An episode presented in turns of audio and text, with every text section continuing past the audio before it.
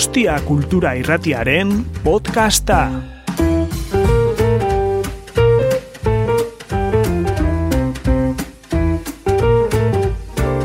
Kaixo, Arratsaldeon. Bueno, ongi etorri Casares Tomasene Kulturetxera. Esta tarde, dentro de la programación de Plus 55, nos acompaña Pachi Zaguirre, con quien vamos a tratar, vamos a abordar el tema de la culpa. Bueno, pues hablaremos un poquito sobre cómo gestionar este sentimiento que la mayoría, en mayor o menor medida, nos ha tocado en algún momento atravesar por ello. Eh, al finalizar la charla abriremos un turno de preguntas para que podáis comentar lo que queráis. Dudas, reflexiones, lo que os apetezca, ¿vale? Intentaremos pedir la palabra para llevar un orden porque hay bastante gente y ya para finalizar, eh, comentaros que en esa mesita de ahí he dejado papel y boli. Antes de marcharos, cuando finalice la charla, si tenéis cualquier sugerencia de temas que os parece que sería interesante que tratásemos en futuras charlas, lo podéis dejar por escrito, ¿vale? Lo tendremos en cuenta para, para organizar futuras charlas. Y bueno, pues por mi parte nada más, así que os dejo con Pachi. Es que ricasco. ricasco. A ti. Bueno, León, buenas tardes ¿eh? a todos. A ver si pasamos un, un rato agradable. Mi idea eh, no es tanto hablar solo yo, sino invitaros a que podamos charlar o tener un, una pequeña tertulia sobre el tema.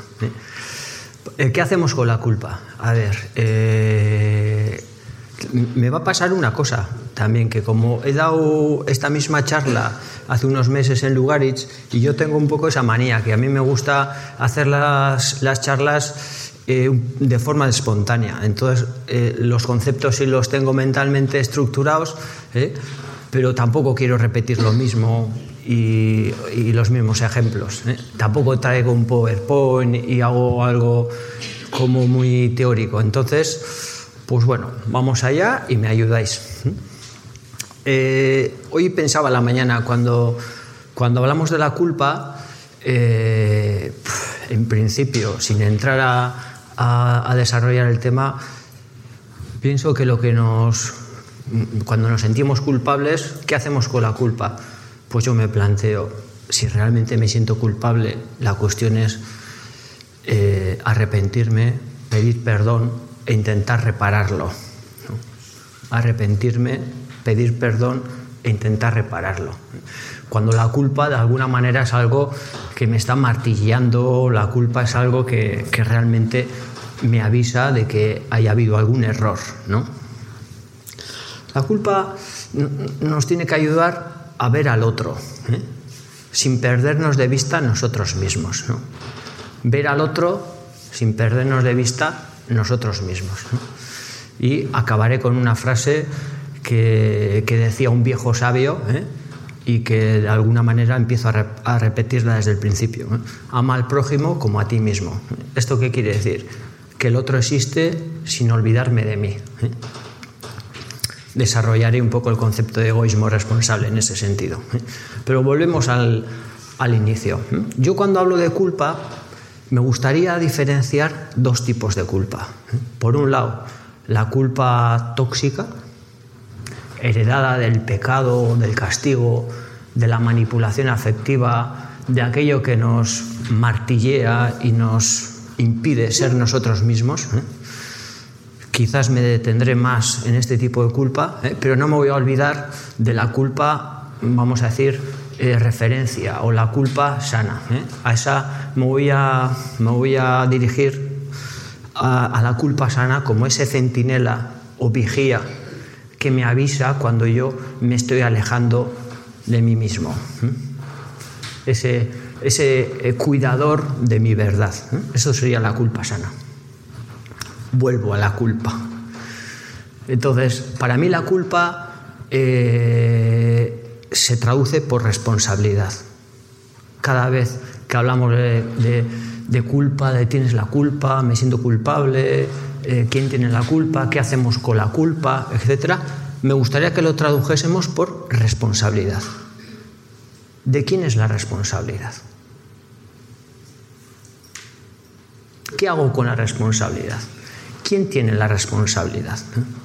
El concepto de responsabilidad ya nos coloca más en la reparación, nos coloca más en la conciencia, nos coloca más en el ¿y qué hago yo ahora ante todo esto? Nos saca un poco de la queja, de la protesta, de la acusación, de la crítica, nos coloca, la responsabilidad nos coloca en ¿qué hago yo con esto ahora? La responsabilidad está mucho más cerca de la culpa sana. Por tanto, intentar hacer internamente ese ejercicio. Cada vez que yo estoy atascado o enganchado con, con culpar a alguien o con culparme por algo, ¿eh? voy a traducirlo por responsabilidad. ¿eh? ¿De quién es la responsabilidad de lo que está pasando? ¿Me están endosando a mí la responsabilidad? Cuando no es mi responsabilidad, me están haciendo sentirme culpable, es decir, responsable de algo que yo no soy. ¿eh? O en el otro extremo, no me estoy responsabilizando de lo mío y estoy criticándole al otro que no ha hecho no sé qué o que me ha dicho no sé qué o tal. Y, y no estoy asumiendo mi responsabilidad, la estoy proyectando en el otro. ¿eh? En psicología hablamos de la culpa introyectada o la culpa proyectada. ¿eh? La culpa introyectada es aquella que, me lleva a pensar que he hecho yo algo mal y por eso no me quiere. He hecho yo algo mal y por eso se ha enfadado. ¿Qué habré hecho yo mal? ¿Eh? Podríamos hablar de, infinidad de relaciones tóxicas de pareja donde parece que me está maltratando porque yo realmente eh, eh, he estado torpe o, no, no, le he dicho bien las cosas. ¿no? Esto sería una culpa introyectada. Es decir, tengo yo la tendencia ¿eh? a pensar que es mi responsabilidad lo que ha sido su responsabilidad. Y en el otro extremo, lo que os decía, la culpa proyectada es, de alguna manera, no asumir mi responsabilidad y siempre los otros hacen mal. Siempre el otro eh, es el que ha metido la pata eh, y siempre la queja y, la protesta hacia afuera y, y, yo no asumo lo mío. Entonces, bueno, vamos a recorrer en la charla diferentes eh, eh, eh, espacios o temas para entre todos intentar dirimir qué es mirarlo desde la culpa sana o qué es mirarlo desde la culpa tóxica o insana. Me voy a detener en lo que es la salud mental. Vamos a empezar con lo que es la salud mental. Eh, yo no sé por qué pensamos que cuando alguien está deprimido, por ejemplo, y es una depresión eh, de largo recorrido, es un cuadro de depresión mayor, una persona que está en una, o una distimia, una depresión leve, pero mantenida, continuada, y lleva tiempo con un tratamiento. ¿eh? Está con antidepresivos, está recibiendo ayuda terapéutica y no está pudiendo salir. ¿eh? Eh, aún me sorprende por qué a esas personas a, veces el entorno, no solamente el entorno eh, social y familiar, sino el entorno profesional, nosotros mismos también, llegamos a decirle que tiene que poner de su parte, que, venga la actitud, venga, tienes que salir, hay que levantarse de la cama y poco más o menos decir, bueno, ya vale, ¿eh? espabila. ¿Haríamos eso con alguien que tiene una neumonía? ¿Haríamos eso con alguien que sufre un cáncer metastásico? ¿Haríamos eso con alguien que físicamente está sufriendo un dolor crónico? No. ¿Por qué pensamos que en la salud mental uno es culpable o responsable de sufrirla? Yo pienso que a, nivel de salud mental todavía, siempre desde el respeto, y yo me incluyo, los profesionales aún estamos en las antípodas de poder entender y aceptar lo que es el sufrimiento psicológico. Uno no sufre porque quiere, uno sufre porque no puede.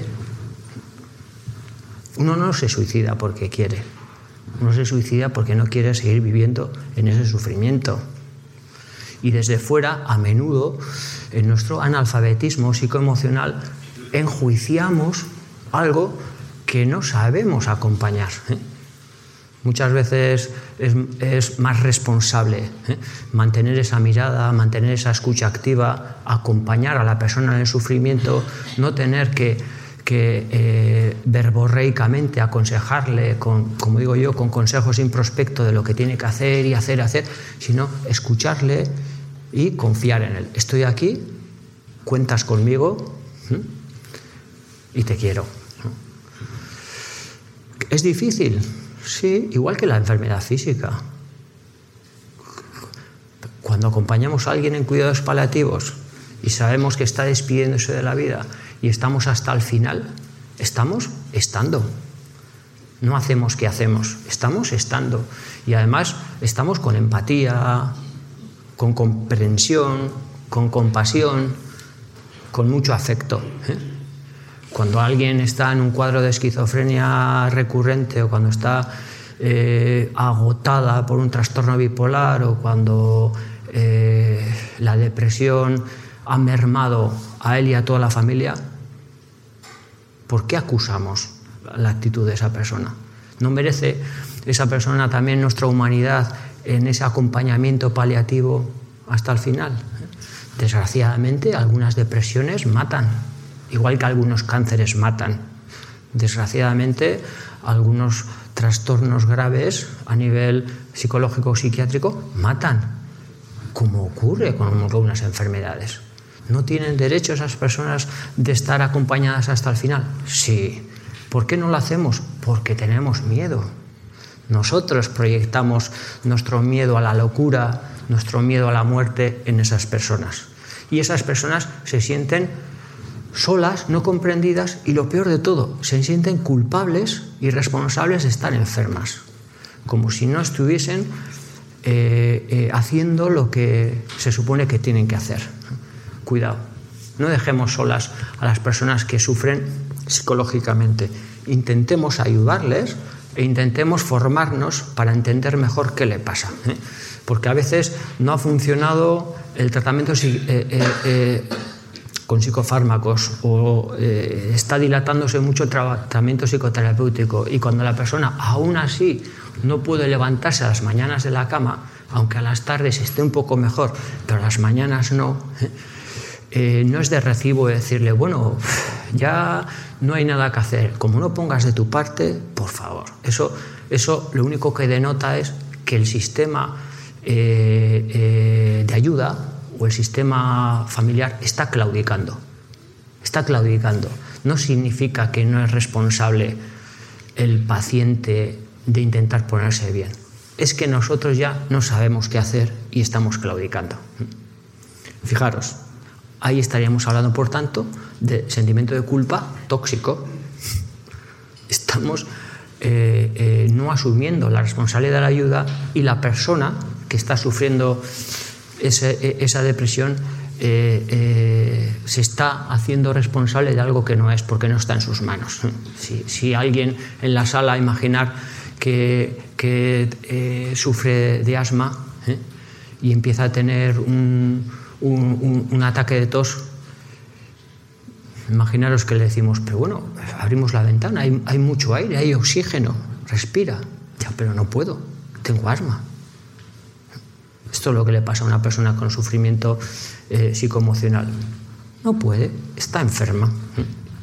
Entonces, cuidado con revictimizar al enfermo mental. Cuidado con culpabilizar a quien, a quien está sufriendo eh, eh, psicológicamente. Tenemos mucho que aprender en ese acompañamiento. Un acompañamiento que aunque no le vaya a curar, ¿eh? porque sea una enfermedad crónica, sí le va a acompañar. ¿eh? No sé por qué tenemos esa mentalidad de que todo siempre se, tiene o se puede curar. Hay cosas que no, ¿eh? Pero no vamos a dejar sola a esa persona, ni le vamos a enjuiciar por ello. a menudo en las charlas suelo comentar que es muy significativo, cuando hablo de salud mental, que es muy significativo nuestro sistema de sanidad cuando leemos en los carteles centros de salud mental y yo digo que es mentira. Son centros de enfermedad mental. Porque de la salud mental no nos acordamos hasta que empieza a fallar. De la salud dental, de la dentadura, sí, hace años que ya nos acordamos de hacer una limpieza, un empaste o una revisión. Pero de la autoestima, de, la ansiedad, de la tristeza, de, la nostalgia, del vacío, de la soledad, no nos acordamos hasta que duele, ¿no? Sería muy preventivo que nos acercáramos a hacer como, es, eh, eh, eh, como digo yo, esa analítica de qué tal está mi personalidad y a ver qué puedo ir mejorando yo. La salud mental es prevención. No lo dejemos para cuando se convierta en enfermedad mental. Entonces, dentro de, este primer, de esta primera temática, en la salud mental, me gustaría un poco cerrar este párrafo con el,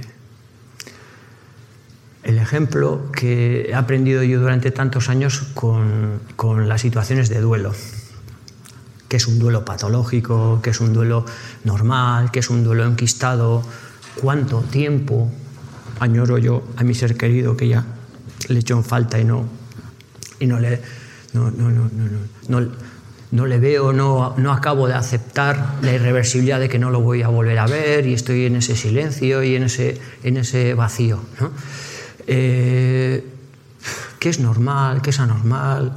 ¿Qué, cuándo le culpamos a una persona? Oye, a ver, te, te, eh, te, estás quedando empantanada, estás quedándote en el victimismo. Eh, o la propia persona que está en el duelo se siente que no me están entendiendo, claro, porque a ellos no les ha pasado, no has perdido un hijo. Bueno, ¿qué está pasando ahí en esa responsabilidad compartida en los duelos?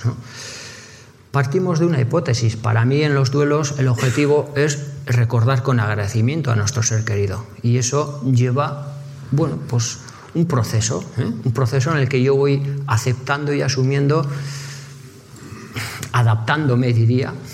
A veces lo de aceptar y asumir es como queda muy bonito en el papel, pero luego cuando a alguien le han amputado el alma, pues es difícil colocarlo con, una cierta serenidad. ¿no?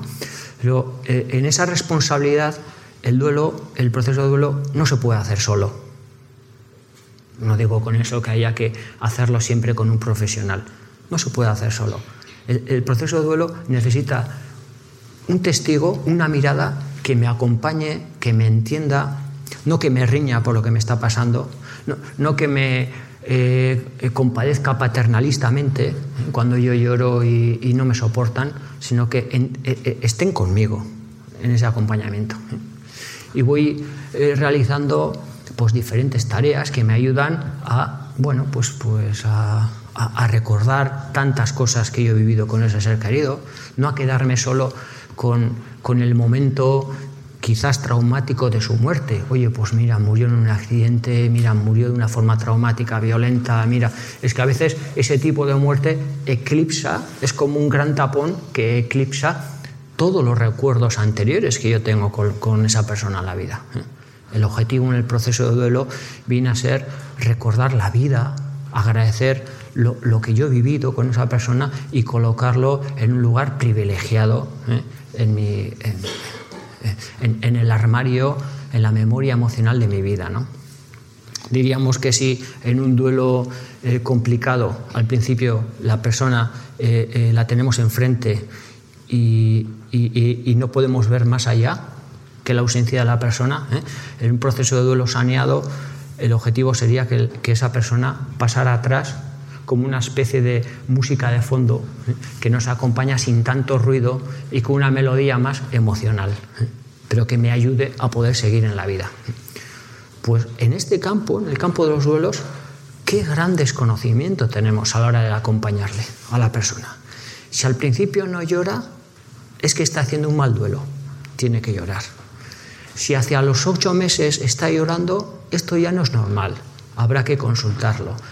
Eh, eh, eh, los, duelos son un año. Decimos una, una cantidad de tonterías que no sabemos muy bien qué es ese proceso, qué es lo que necesita esa persona, cómo está elaborando el itinerario del duelo esa persona. ¿Qué es lo que podemos hacer los que le acompañamos a esa persona que está en el duelo? Estar estando. Cuando digo yo estar estando es eh, es, estar desde la emoción, no desde la racionalización, eh, desde la verborrea mental, desde el dar consejos, desde el tener, tenerle que decir algo. La típica historia de estar en el tanatorio cuando acompañamos a los familiares de, alguien que ha muerto y, parece que le tenemos que decir algo y le tenemos que casi como que que aconsejar terapéuticamente lo que es normal, lo que le va a pasar, pues igual necesitamos mirarle con, cariño, darle una palmada en la espalda, un gesto, como digo yo, con la ceja cariñoso, ¿eh? un abrazo con la mirada. ¿eh? Eso es escucha activa, eso es, eso es estar estando. ¿eh? Y en ese acompañamiento hay diferentes fases. El proceso de duelo no es un proceso a menudo lineal, es un proceso más elíptico. Hay un movimiento circular elíptico en el que vamos avanzando, pero a veces vienen fechas en las que nos acordamos de nuestro ser querido, o aniversarios, o vemos a los amigos que nos hacen pensar que eh, mi hijo ya no va a poder disfrutar de esas cosas.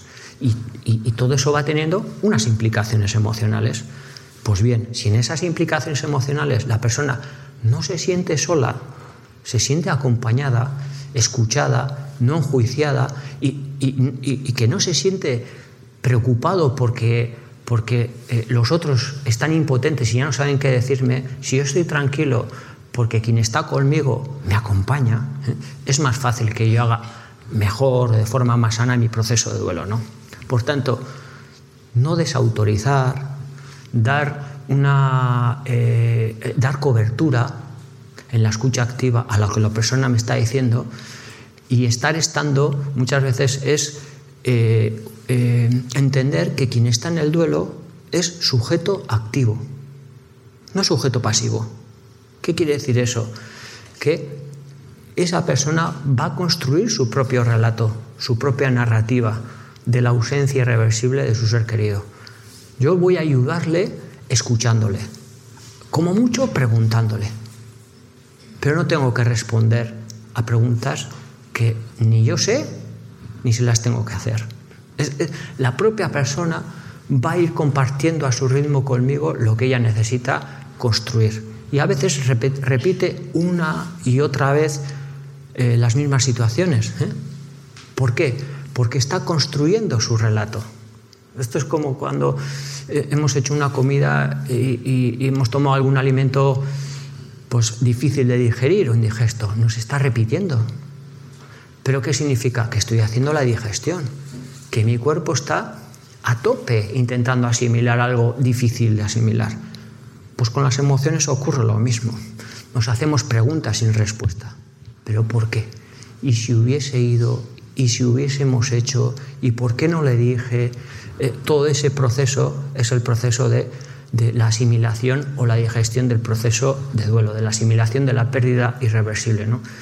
Por tanto, y volviendo al tema de la culpa, si yo desde fuera intento acompañar a alguien que está en, el duelo y le hago sentirse eh, eh, culpable por ese dolor, por ese tiempo que, que necesita sin darle la vuelta, por tener que seguir yendo al cementerio, por no haberse atrevido todavía a quitar sus ropas, por todavía eh, buscar su olor en, en, en, el, pijama o, no ir todavía a abrir su cuarto, es porque no puede revictimizarle a la persona que está en duelo, eh, eh, presionándole como si fuese con un acuyo, ¿qué digo yo?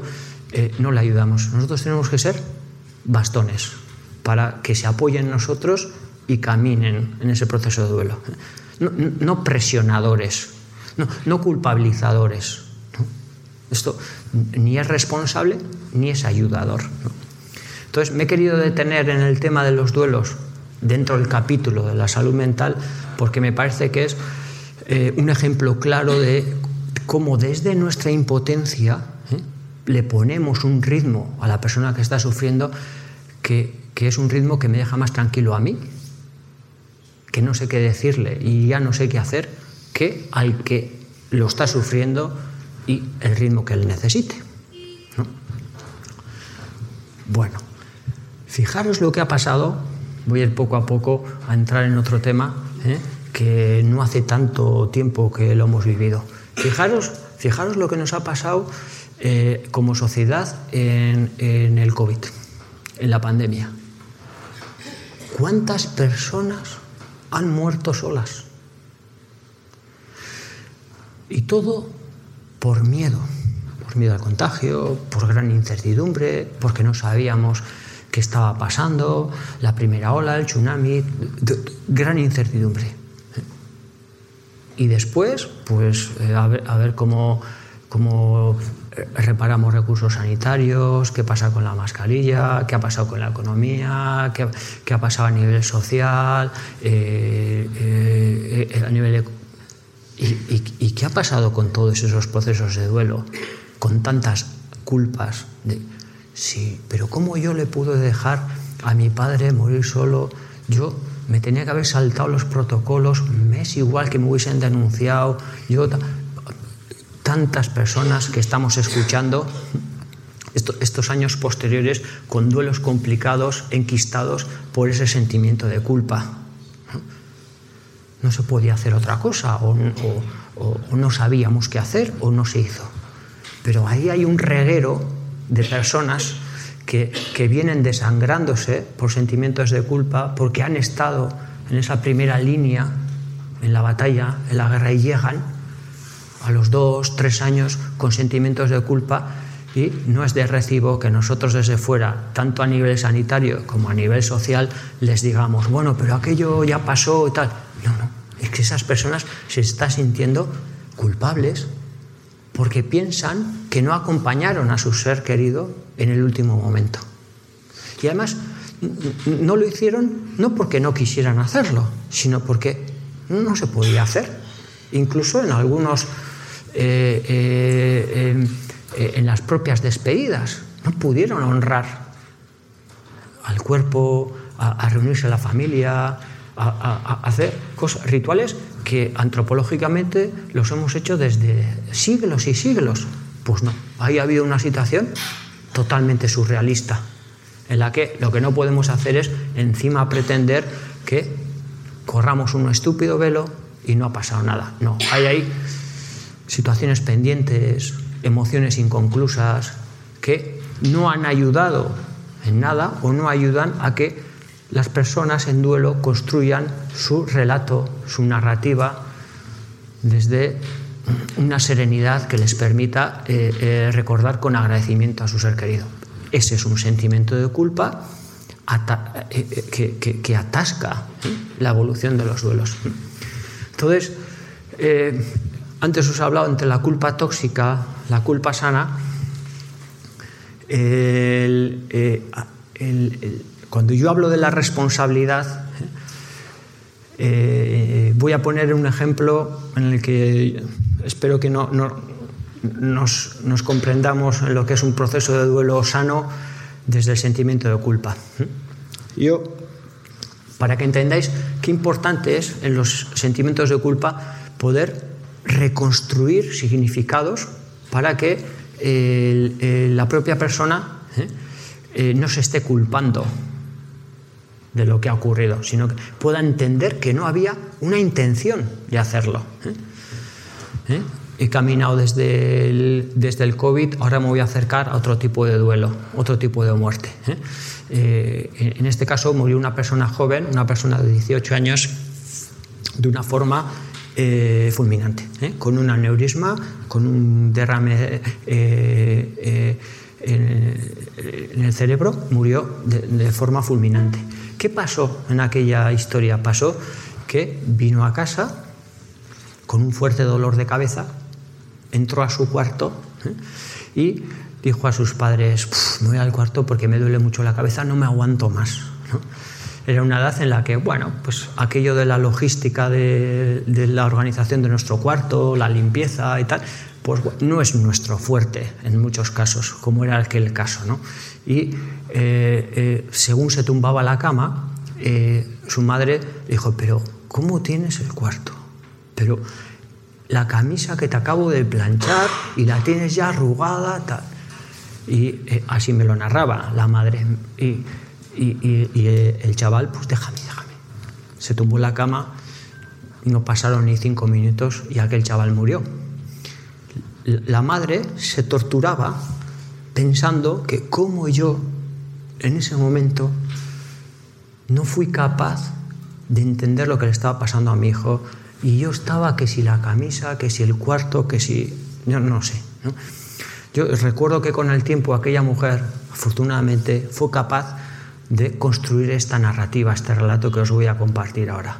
Dijo, bueno, como yo siempre estaba igual con sus cosas y la organización y siempre he sido muy así, quizás en ese momento, al verme a mí igual que siempre, mi hijo pensó, bueno, no será tan grave lo que tengo. Aquello le ayudó a aquella mujer a entender que siendo como era ella, había podido acompañarle hasta el final a su hijo, en lugar de quedarse en un sentimiento de culpa torturador, autoaniquilante, ¿eh? Que lo único que le hubiese llevado a ella eh, sería a, castigarse. ¿eh? Porque el sentimiento de culpa tóxico lo que nos lleva es a expiar la culpa desde el sacrificio, desde el castigo. Es tóxico. Ese no es el camino. El camino para expiar la culpa, para reparar la responsabilidad del error, nunca es el castigo, nunca es la, autoagresión. Antes os he dicho al principio, lo siento, me he equivocado, perdóname, estaré más atento, a ver cómo lo podemos compensar. E, e, esa es la reparación sana, adulta. ¿eh? Y entonces internamente, en aquel caso, el, criterio que nos ayudó fue, no había una intención. No había una intención. Había un desconocimiento. Había una situación de crisis. ¿eh? Entonces, cuidado con el sentimiento de culpa en los duelos. Cuando yo digo que las personas se sienten mal por sentirse bien. ¿Y eso qué significa? Que no nos damos permisos a poder recuperar nuestra, entre comillas, ¿eh? Eh, cierta normalidad o ciertos hábitos o nuestra sonrisa, porque pensemos que al hacer eso estamos eh, olvidando a nuestro ser querido o, no le estamos siéndoles fiel o leales o, parece que les queremos más desde el sufrimiento o desde el luto perpetuo. No es verdad. La cuestión es recuperarles desde también la alegría y lo vivido con ellos, no, solamente desde la pasión del sufrimiento. Por eso digo que en la culpa ¿eh? parece que hay como, como, una autotortura. ¿eh? Esto es, no, es el camino del duelo sano. Pasamos por esos territorios, pero no nos quedamos en esos territorios caminamos por esos territorios, pero vamos buscando el recuerdo agradecido en otros tantos y tantos momentos vividos con esa persona. Bueno, voy a acercar al, tema eh, fundamental de la charla de hoy. Intentar explicaros, desde mi opinión, eh, cuál es la diferencia entre la culpa tóxica o la culpa sana. Bueno, el gran meollo de la cuestión de la culpa tóxica ¿eh? Eh, vendría desde este párrafo que quiero compartir con vosotros. Si decimos que vamos a traducir la culpa por responsabilidad, que ahí ya estamos en la cuestión sanadora, ¿cómo definirías tú la culpa, Bachi? A ver, psicológicamente hablando, cuando nos vas a hablar de la culpa tóxica, ¿Cómo definirías la culpa tóxica? Con una frase sencilla. El miedo al abandono. La culpa tóxica es el miedo al abandono. ¿Y cuándo empezamos a construir en nuestro cerebro, en nuestra personalidad, esa culpa tóxica? Cuando desde pequeñitos vamos creciendo en una situación de amor condicional No porque nuestros padres sean peores que otros, porque a su vez nuestros padres tuvieron otros padres y otros padres. Y, y ese miedo al abandono, ese amor condicional, es heredado. ¿Qué significa el miedo al abandono, Pachi? Significa que el, gran terror que tenemos antes de empezar a hablar, cuando empezamos a construir nuestro estilo de apego, al vincular, cómo, cómo, nos sentimos queridos y queremos en el mundo, todo eso se da antes de empezar a hablar, cuando somos pequeñitos. Pues lo que nos aterra es que nos abandonen, que no nos quieran. Entonces, hacemos lo que haga falta para que nos quieran. Yo a menudo digo que cuando decimos que el amor incondicional de los padres a los hijos, digo, no será al revés, que los hijos tienen amor incondicional a los padres aunque les maltraten para que no les abandonen. Entonces, el sentimiento de culpa tóxico empieza desde ahí. Empieza cuando utilizamos la manipulación con la amenaza del, del, abandono, del no quererte. Y todo eso, desgraciadamente, lo hacemos a menudo con un sistema muy sutil, que es el doble mensaje. Por ejemplo, el tono de voz, cuando hablas por teléfono con, con tu ser querido que está a distancia y tú sabes que está cabreado, pero te dice verbalmente, no, tranquilo, pero con ese tonito que tú no te quedas tranquilo. Eso es el doble mensaje. El doble mensaje es decir dos informaciones a la vez y diametralmente opuestas. O la típica situación en pareja cuando eh, eh, no discutimos, pero hay un silencio helador y estamos castigando pasivamente, es una agresión pasiva a la otra persona desde el silencio. No te estoy chillando, pero es peor. Eso es el doble mensaje. Entonces, e, el hacerse sentir culpable a la otra persona o responsable de algo que no ha hecho en base al miedo al abandono. El miedo al abandono, el rechazo, es el que origina el sentimiento de culpa tóxico. ¿Eh? Vamos a llevarlo a, a, cada uno puede llevarlo a diferentes aspectos de vuestra vida, en vuestra propia autobiografía o las relaciones sociales o las relaciones laborales.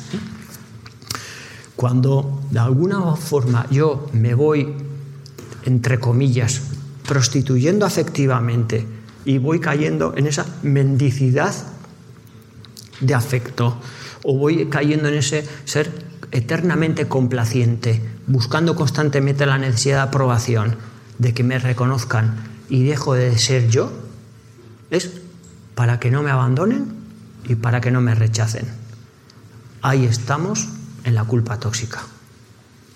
Ahí somos hijos de el miedo al abandono. Ahí hemos sido de alguna forma eh, no adecuadamente construidos o educados en la libertad de ser yo mismo. He caído en la trampa de tener que ser el que quieran que sea o tener que ser el que tengo que ser, el ideal del yo. Esa es una trampa que nace desde esa manipulación afectiva.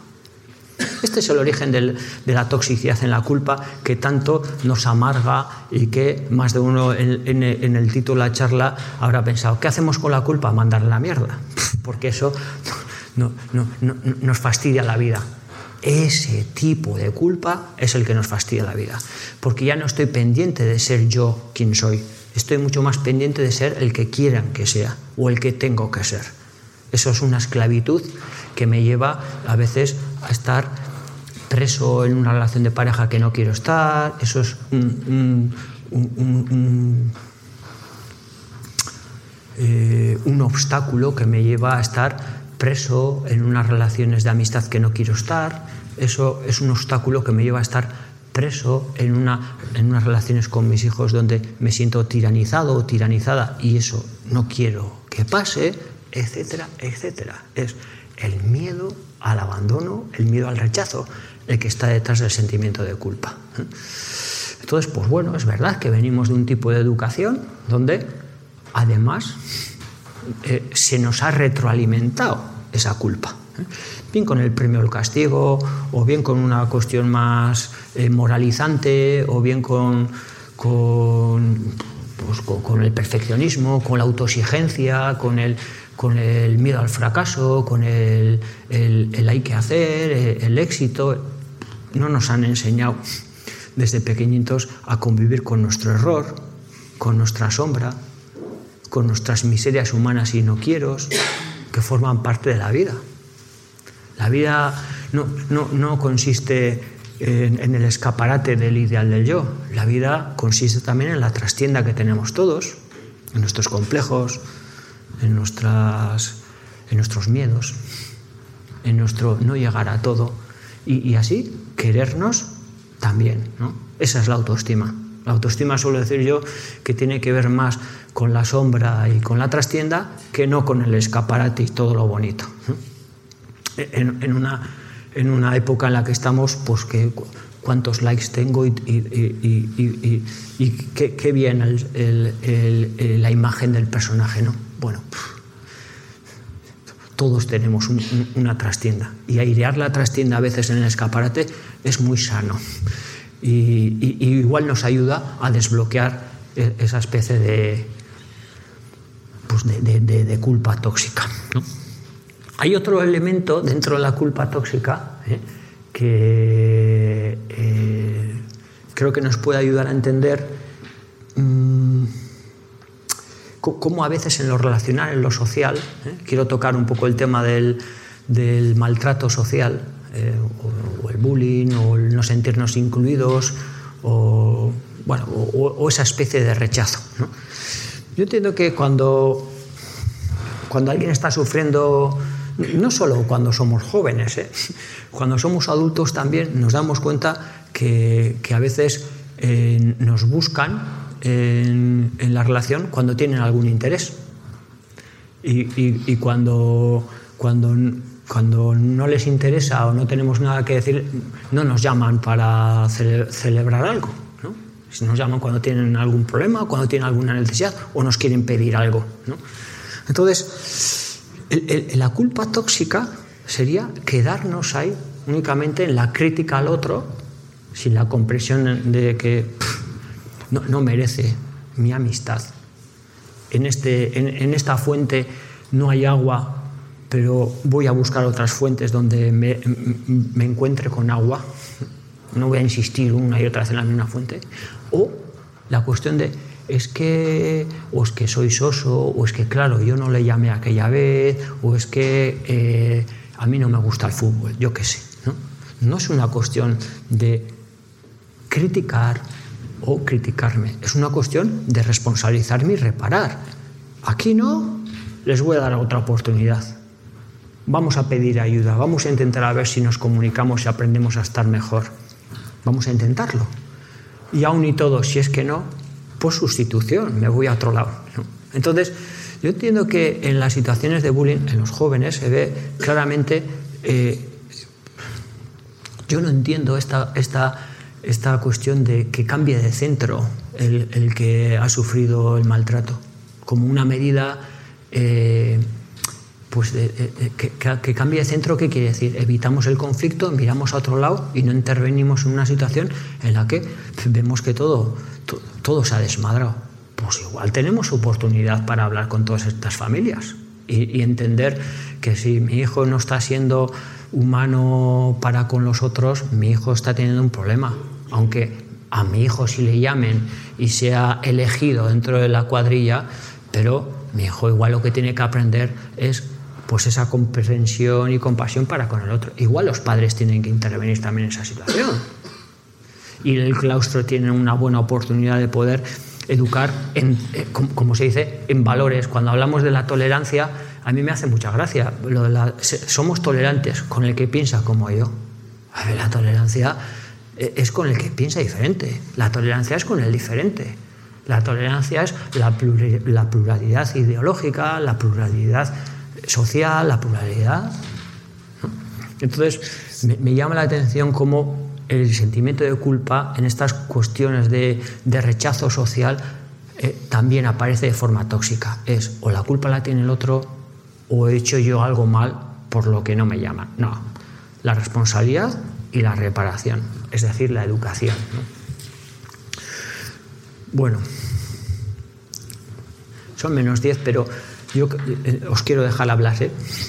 Podéis preguntar si tenéis alguna idea que, queréis que desarrolle, pero quiero pasar ya directamente al, concepto de un poco al concepto de, eh, de, culpa sana.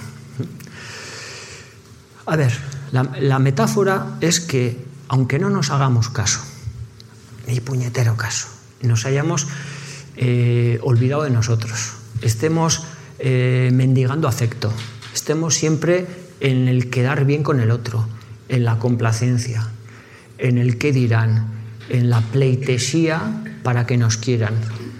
Aunque hayamos hecho eso durante muchos años y, mm, es como que nos hayamos atrofiado en esa esencia de, de quién eres tú, pero a ti qué te apetece, pero tú con quién quieres estar, no puedo sentir eso porque enseguida vienen los miedos y les puede pasar esto a mis hijos, si me separo y les puede, pero ¿qué va a pasar si dejo este trabajo? Y si, eh, aunque no me haya hecho ni caso durante años, hay una parte de mí que no me abandona, ni me va a abandonar nunca. Ese es el centinela.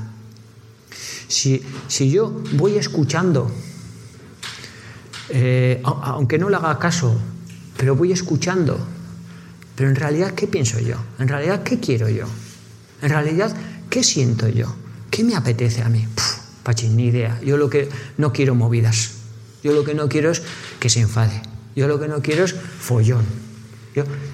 bien, eh, eh, ese músculo es el que estoy acostumbrado a entrenar. Por lo tanto, es normal que al principio escuche eso. Pero es como si estuviésemos en un lugar donde hay mucho ruido, ¿eh?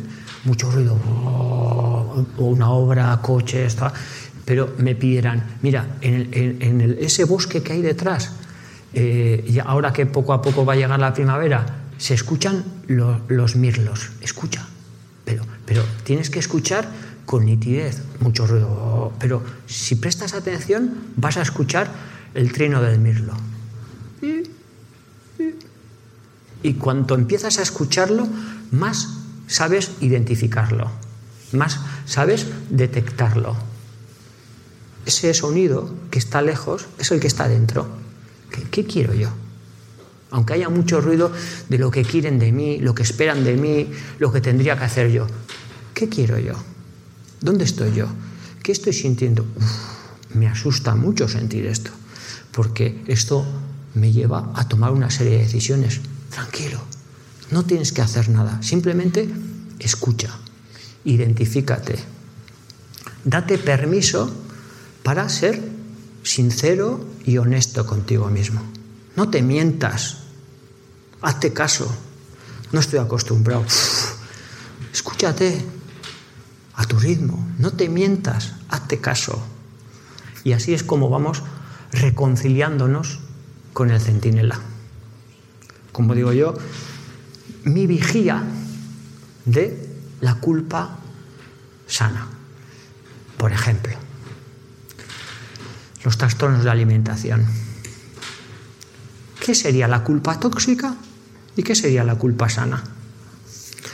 Si yo de repente eh, pues había una celebración y me he pasado con la comida y luego además pues he empezado con, un cachito de pastel, pero me he acabado comiendo tres y, ya de perdidos al río, pues luego cuando he llegado a casa ya he sacado el chocolate y no sé qué, me invade un profundo sentimiento de culpa, entre comillas, tóxico. Es decir, la he liado y por tanto ahora esto hay que compensarlo.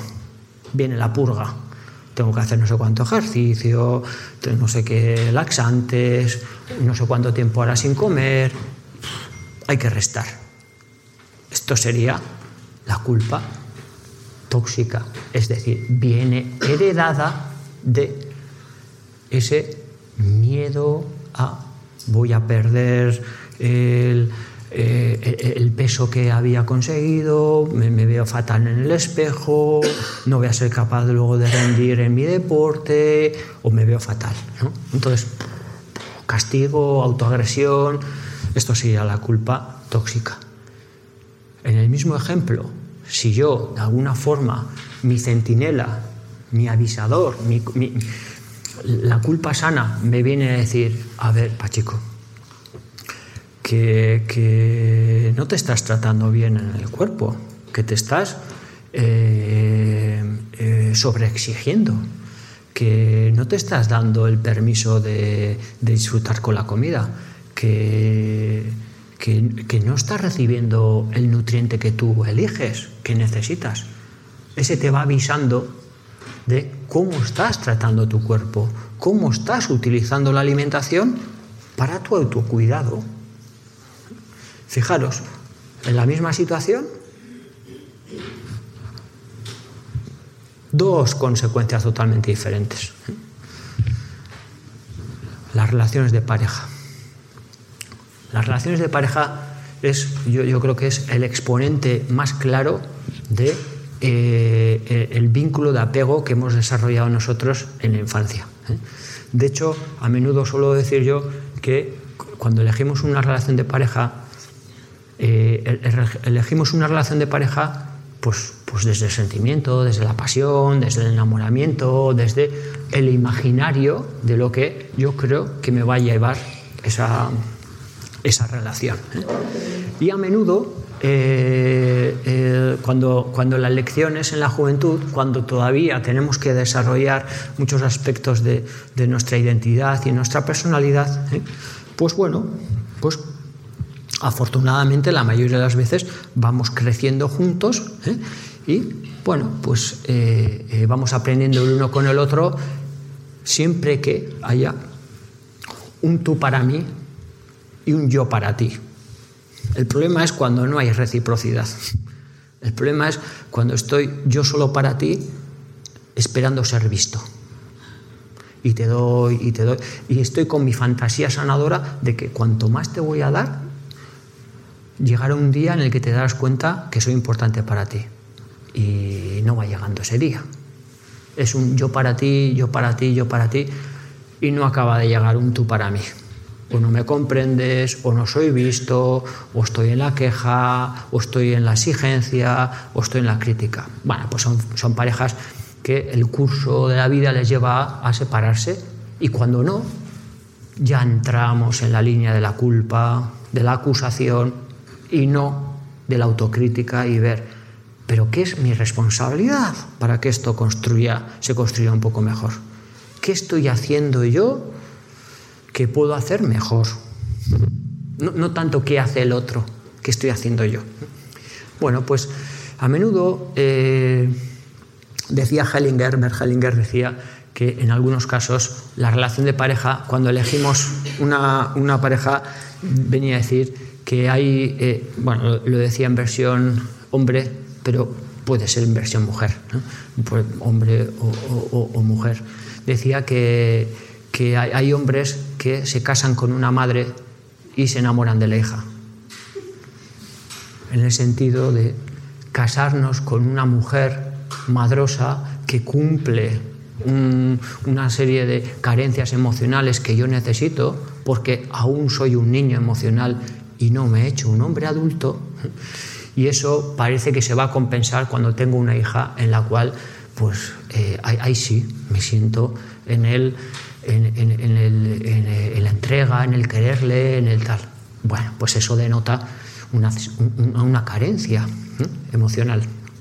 O lo mismo con la, la, madre que se casa con, con un padre, con, una mujer que se casa con un hombre padroso y se, enamora de su hijo viendo que es el favorito y el importante y, queda eh, eh, un poco como un pelele eh, el, marido o el padre. Son relaciones no adultas, no maduras, que llevan a un infierno de sentimientos de culpa y acusaciones mutuas, en lugar de hacer una especie de autocrítica, de balance de, bueno, ¿qué no estoy poniendo yo en la relación? No, no criticar qué no pones tú. No, no, yo, yo misma, ¿qué yo no pongo en la relación? ¿Qué, qué yo no pongo en la relación de comunicación, de afecto, de, de, contacto de piel con piel? ¿Qué no estoy poniendo yo? Y muchas veces suele coincidir que aquello que he hecho en falta en la relación de pareja tiene que ver mucho con algo que no estoy poniendo yo en la relación de pareja. Entonces, fijaros, si entramos a las acusaciones de culpa, culpa tóxica, ¿dónde está la responsabilidad? ¿Dónde está la conciencia? ¿Dónde está el, el, perdona chiqui, no me he dado cuenta, eh, estaré atento para la siguiente? ¿Por qué nos da vergüenza decir eso? ¿Por qué pensamos que hacer eso es rebajarnos? ¿Por qué tenemos que refugiarnos en una especie de orgullo eh, insano? El orgullo eh, eh, es, la, la, versión mala o tóxica de la dignidad. Yo suelo decir, una cosa es, a ver, no soy un pelele, no me pisotees, esto me ha hecho daño, yo no lo veo así. Respétame en mi dignidad.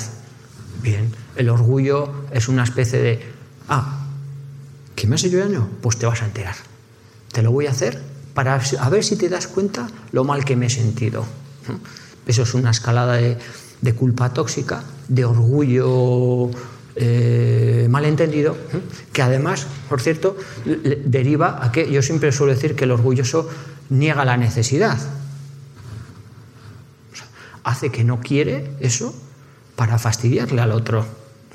Como digo yo, es fastidiarme para fastidiarte. Toxicidad sentimiento de culpa tóxico. Si hay, acudiría a nuestro rescate el, eh, eh, centinela, que digo yo, el, sentimiento de culpa sano, me diría, a ver, ¿qué necesitas tú? Pero, pero, ¿qué necesidad está en esta relación? ¿O qué necesidad de no expresarte eh, lo, que, lo que has sentido ante su palabra? ¿O qué necesidad de no emocionarte y acercarte a decir, lo siento, eh, he estado inadecuado, ¿eh? Eh, gracias por seguir a mi lado. Son complejos de niños o de niñas heridos que tenemos acumulados en la vida y que no hemos sido capaces de sanear, de ventilar, de hablar. Entonces, para mí, y voy acabando con la parte teórica, para mí el sentimiento de culpa sano, incluso diría el miedo, sano son los dos guardianes que nos van a acompañar a la vida. Tienen muy mala prensa el sentimiento de culpa y el miedo. El sentimiento de culpa tóxico que nos lleva a la manipulación afectiva, al, castigo, al, abandono, tal.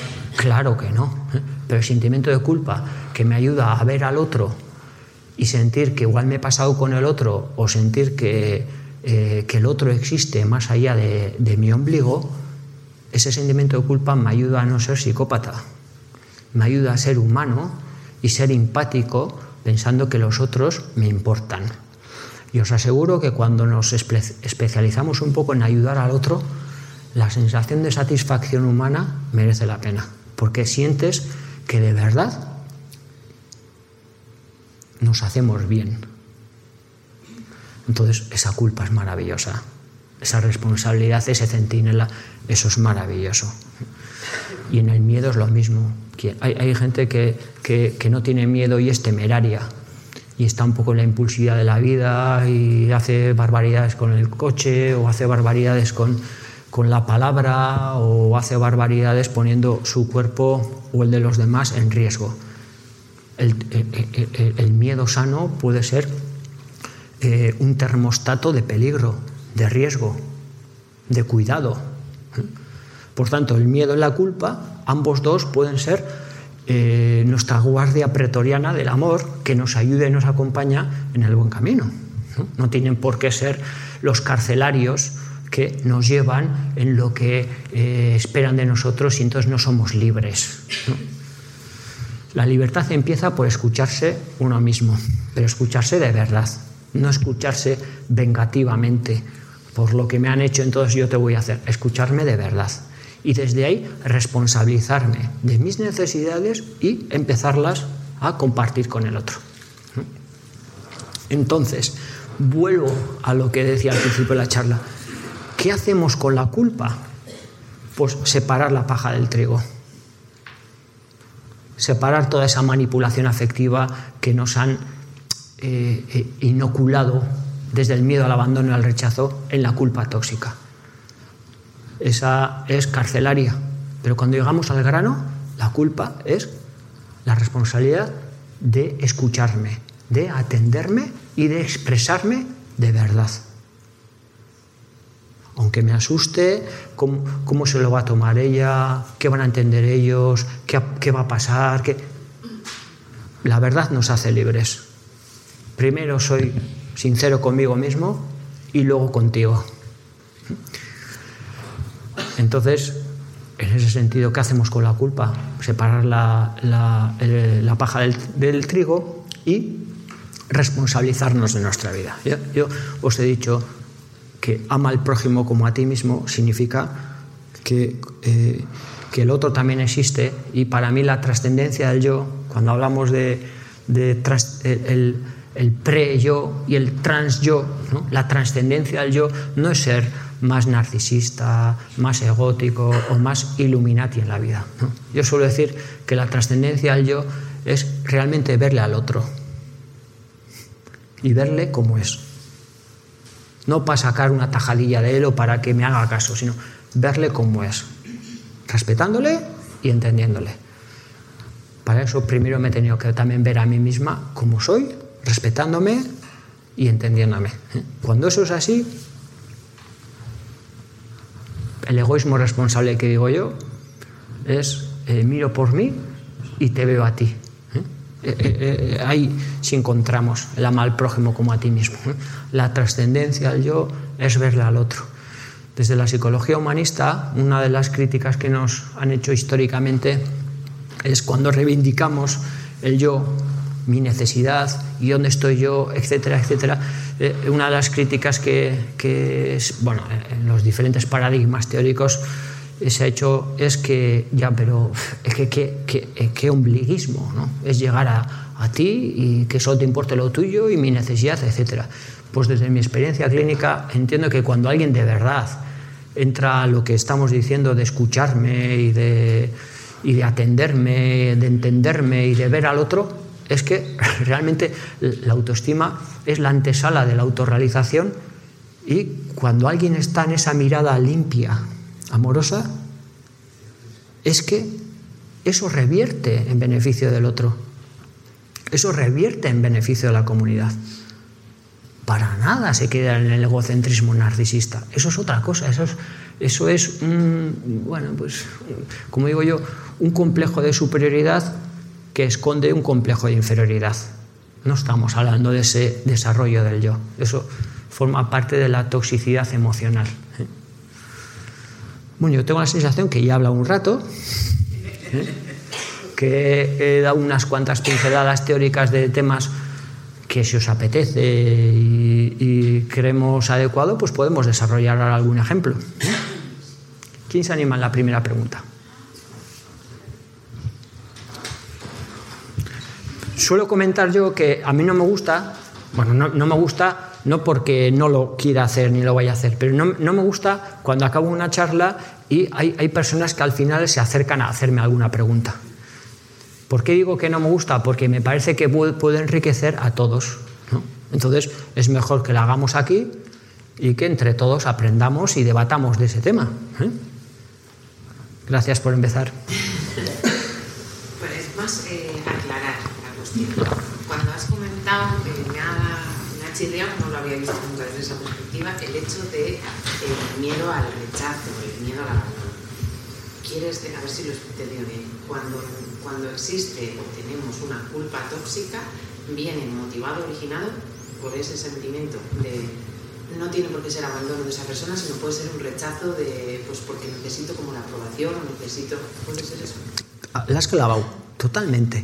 Incluso diríamos que desde el punto de vista moral. Imagínate, cuando alguien se siente en un profundo sentimiento de culpa, imaginaros a alguien que es creyente, que se siente en un profundo sentimiento de culpa porque toma conciencia que ha pecado y que tiene un gran error, ¿no? que vamos a decir que es expulsado del paraíso, ¿no? esa nostalgia del paraíso perdido, teme que le van a abandonar moralmente, que no va a ser querido eh, eh, eh, allá en el reino de los cielos.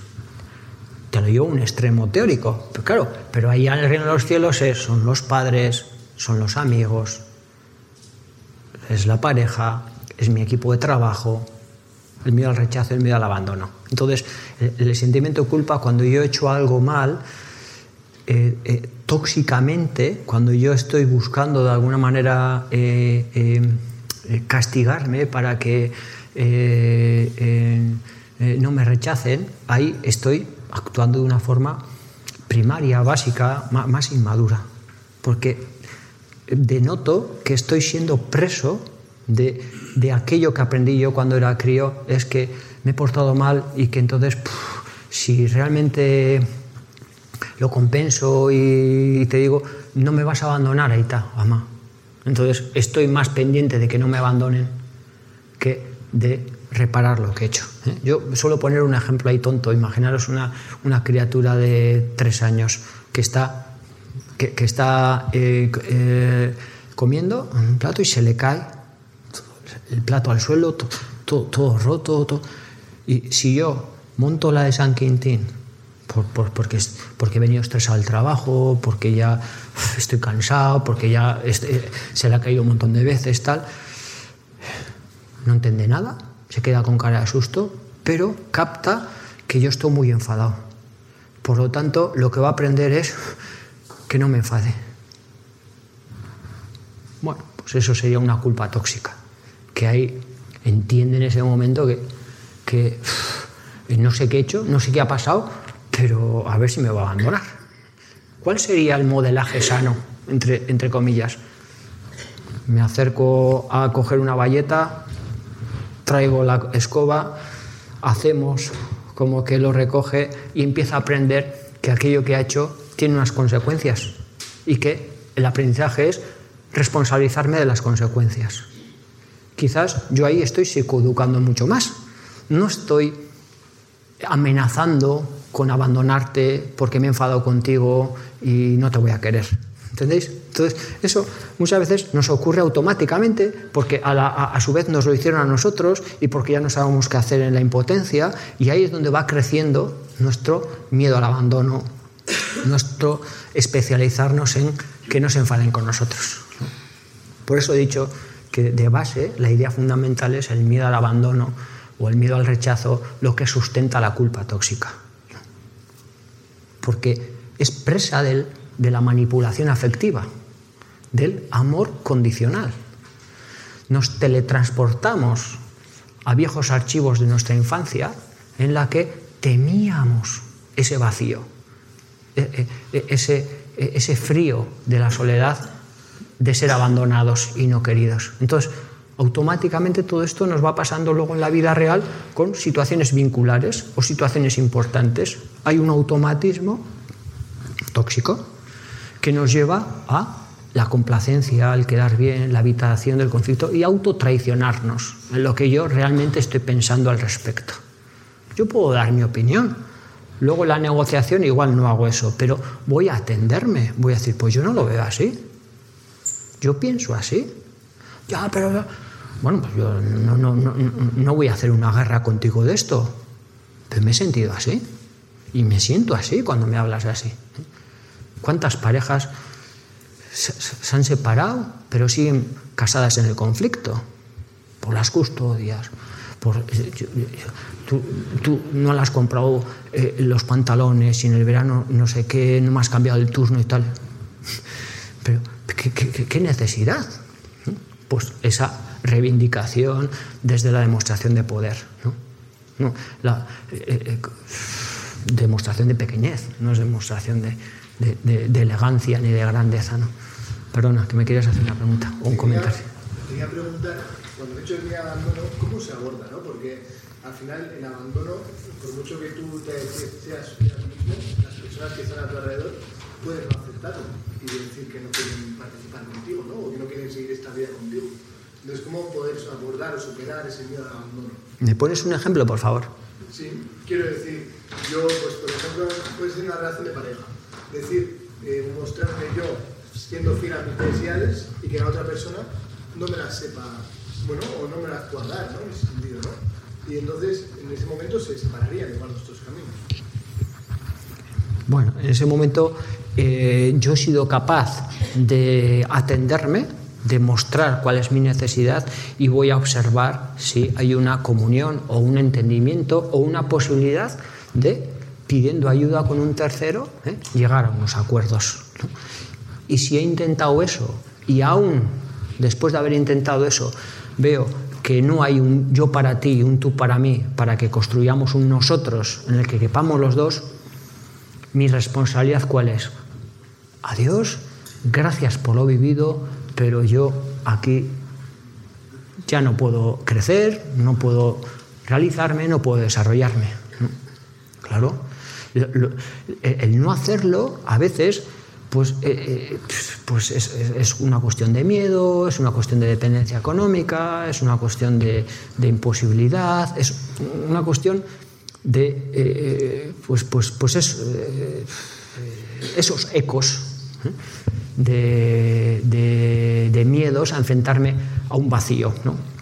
Cuando, cuando nos enfrentamos a salir de la zona de confort, como digo yo, en esa pseudo seguridad en la que estamos acostumbrados en la vida, hay un momento donde hay un vacío. Hay un vacío. Entramos en una nueva eh, forma de vivir. ¿eh? Pero ese vacío puede ser un vacío estéril en el que desde el miedo me lleve a volver, a, a regresar, un, darnos una nueva oportunidad eh, sin hacer nada nuevo. Con lo cual, es, si un jarabe no te, no te ayuda, no es cuestión de tener sobredosis de jarabe, porque te va a pasar lo mismo.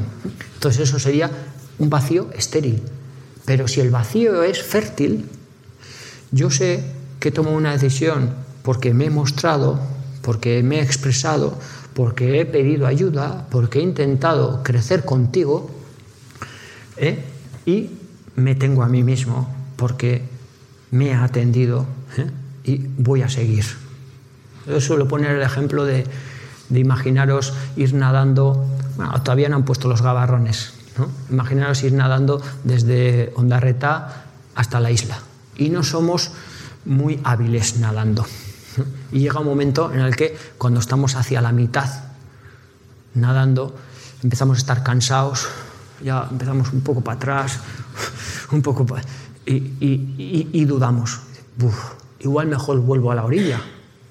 Eso sería el vacío estéril, desde el miedo y desde la seguridad. El vacío fértil es, bueno, voy a descansar, voy a flotar y sigo. Eso sería el vacío fértil. He tomado una decisión, no me he autoengañado, veo desde dónde vengo, tengo incertidumbre hacia dónde voy, pero cuento conmigo. Me voy a dar una oportunidad. Claro, entonces el miedo al abandono sería el que decido no abandonarme a mí mismo, no autoengañarme, hacerme caso, darme la mano y acompañarme en un terreno oscuro que no conozco esta galería, pero que ya tengo una linterna, que es mi verdad y mi claridad. No es que vuelvo corriendo a donde había más luz, pero me sentía más encarcelado.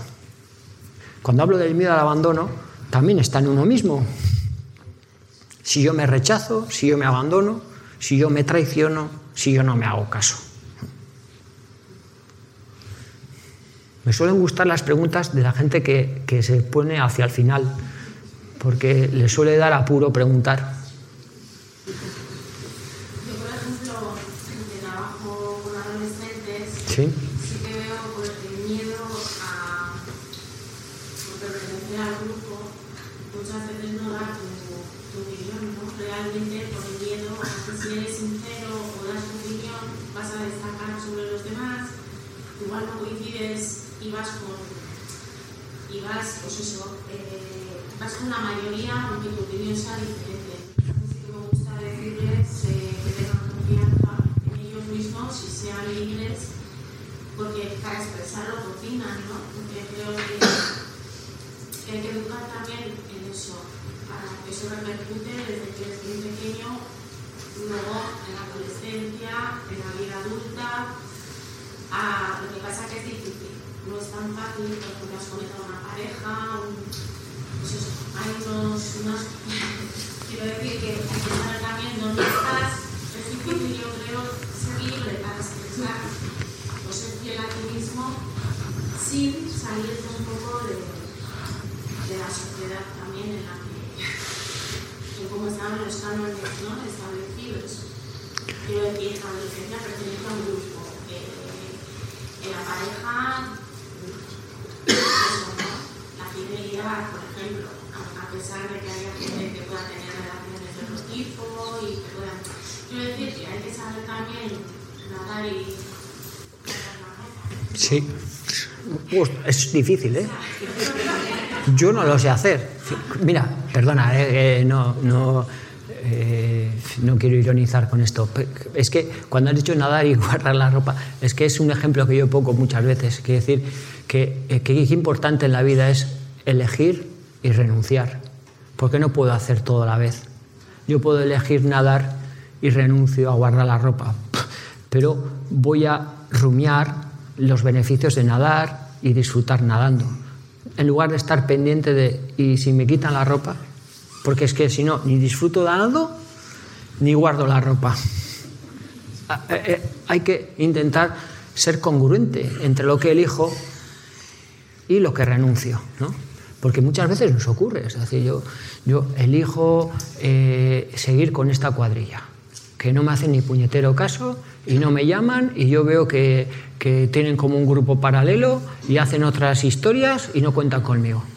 Bueno, pues yo, si yo elijo quedarme con esta cuadrilla, entre comillas, aun y todo sabiendo que pasan de mí, no voy a rumiar que "Uf, yo cago con estos. Pero si, si, si mejor estaría en otro lado y tal. Pues si, si elijo que mejor estaría a otro lado, me separo de esa cuadrilla. Lo que no puedo estar es Claro, porque hay, la insatisfacción está asegurada. Pero bueno, quiero intentar responderte al planteamiento que has hecho. Mira, para mí el sentimiento de pertenencia en los grupos es muy importante y sería esa mirada que tenemos desde pequeñitos con los padres, en los cuales en el sistema familiar nos sentimos acogidos, elegidos y valorados. Esa mirada a lo largo del ciclo vital va cambiando. Y entonces los amigos, la, la pertenencia al grupo es parte heredada de esa mirada. Sentirme reconocido, parte integrante del grupo, hace que sea visto. Yo os aseguro que estar fuera hace mucho frío fuera. Ser outsider en la vida, ser, entre comillas, poco perro verde, ser, ser diferente, requiere tener mucha personalidad porque te sientes eh, muchas veces en duda en ese vacío, en esa soledad. O tienes un criterio muy claro, o los adolescentes tienen una, bueno, pues, pues, pues cierta madurez y ciertas compensaciones en, en otras actividades o, u objetivos, o sostén familiar, o si no, esa especie de prostitución social o afectiva de, de, de hacer lo que haga falta para que me quieran, te lleva a ser eh, eh, un enmascarado. Eso es tener un yo enmascarado, donde dependes de la aprobación social y no desarrollas un yo propio. Pero no es nada fácil. Es muy importante tener esa mirada de alguien, que a veces es un profesor, a veces es un familiar, a veces es un entrenador o a veces es simplemente un amigo. Pero ese alguien tiene que verme como soy y validarme. Si no, es que hace mucho frío fuera. Yo, yo no, no, me atrevería a criticar, a, menospreciar, a denostar a las personas que eh, se someten a la presión grupal, porque entiendo que hace mucho frío fuera y se requiere pues, un punto de madurez para tener un, criterio propio en la vida. ¿no? Pero eso nos ocurre a los adultos también, con ideologías, con presiones laborales, con... Ser uno mismo tiene su precio Pero sí, la apuesta educativa es hacerlo desde el principio en la presión grupal, ¿no? Saber decir que no cuando tú, tu centinela, tu, tu, tu sentimiento de culpa sano te dice, a ver, que tú no quieres hacer eso, ¿qué andas? Y el miedo dice, ya, pero que, pero que, que no te van a llamar, pero que no, eh, que, que, eso no, no te lo van a entender. Miedo al abandono, miedo al rechazo, necesidad de aprobación. Ya, pero yo, yo me apruebo, me autorreconozco, ¿cuál es mi criterio ante esta actividad? Me expongo a que me rechacen, pero no me rechazo. ¿A quién doy la espalda? ¿A ellos o a mí?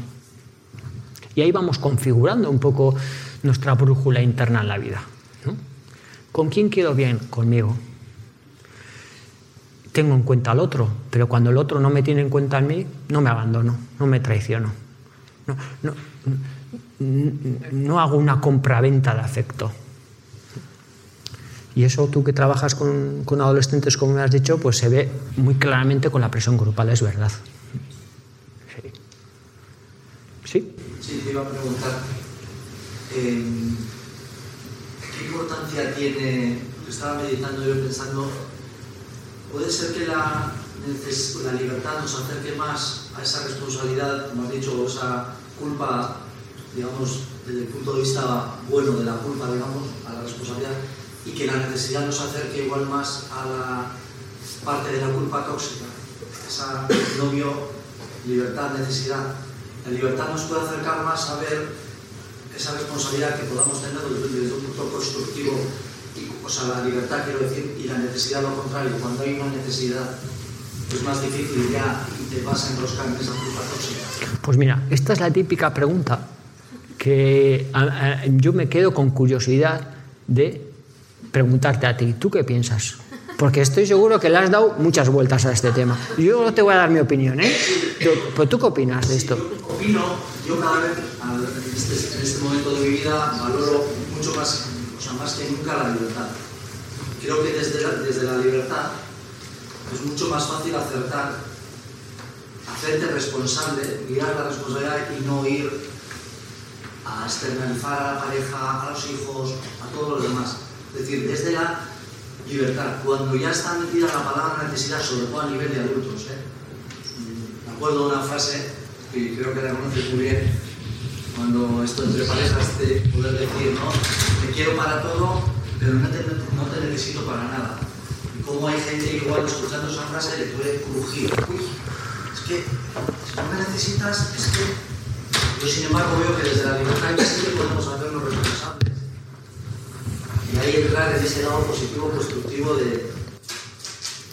Me acuerdo yo de eh, uno de los autores de los que he aprendido en, en, mi vida profesional se llama Eric Fromm, que Eric Fromm eh, para mí es uno de los primeros humanistas, aunque se considera un psicoanalista. Eh, tiene unos libros maravillosos como uno de ellos es El arte de amar y hay un libro que tiene el miedo a la libertad, se titula El miedo a la libertad y la carátula del libro del miedo a la libertad es preciosa porque aparece un pájaro dentro de una jaula con la puerta abierta, pero el pájaro no sale. Y a veces nos ocurre eso en la vida. Tenemos delante la libertad, pero tenemos necesidades afectivas no cubiertas. Nos sentimos dependientes, estamos desde el miedo y eh, eh, cuando actuamos desde la libertad, ¿qué significa? Significa que yo pues eh, ya he satisfecho necesidades afectivamente hablando tempranas que no condicionan mi vida adulta. Esta es la cuestión. La cuestión es que la libertad la podemos elegir cuando nos hemos hecho adultos, afectivamente adultos. ¿eh? Cuando afectivamente aún tenemos necesidades por satisfacer, sin culpar a nadie, pues nuestra vida ha sido así, nuestro sistema familiar era así, yo quiero pero no puedo. ¿eh? Pues aún sigo necesitando. No me siento en la libertad de tomar mis decisiones. Entonces la libertad va unida con la madurez. La libertad va unida con la satisfacción de necesidades afectivas insatisfechas a lo largo del ciclo vital. ¿no?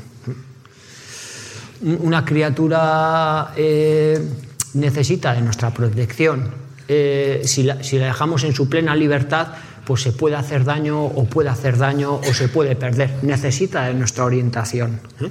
nuestra, no- nuestra orientación, nuestro apoyo para que crezca como sujeto activo en su propio desarrollo. Pero esa libertad es un poco condicional todavía. La libertad incondicional es cuando yo me hago dueño de mi vida, he satisfecho mis necesidades, me responsabilizo de las consecuencias de mis decisiones, aunque cometa errores, pero me hago cargo. Eso requiere pues un cierto recorrido en la vida. ¿Alguien por ahí quería preguntar algo también? Sí, yo quería comentar, recogiendo lo de que hace mucho frío fuera, yo creo que también hace, mucho frío fuera, a veces es congelador, y hace mucho frío dentro también. Y, y- y dentro creo que nos asusta mucho más, porque a mí la sensación que me da es que mm, eh, en el recorrido del tipo de vida que llevamos, de la filosofía que impera socialmente y tal, nos cuesta eh, muchísimo estar en el desasosiego, en la incertidumbre interior, en el no haber aprendido a sostenernos en los momentos de vulnerabilidad a nosotras mismas. Y creo que, eh, cogiendo, recogiendo el tema de- del dolor, del dolor de, de las pérdidas, ya sean de personas que mueren, que, son, que sean nuestros seres queridos, o de nuestras parejas, o de nuestras hijas, de nuestros hijos, o de nuestras amigas, amigos que se van, creo que ahí eh, eh, nos cuesta, yo por lo que veo, es como que mm, no podemos soportar estar mal. Y creo que en la vida, a mí la experiencia, mm, lo que me está dando es que de ahí aprendo mucho. Aprendo a conocerme a mí misma, aprendo mi vulnerabilidad y también aprendo de los demás, en, el sentido que sea. Desde los que no están y no saben acompañar hasta, hasta los que sí se acercan y de qué manera.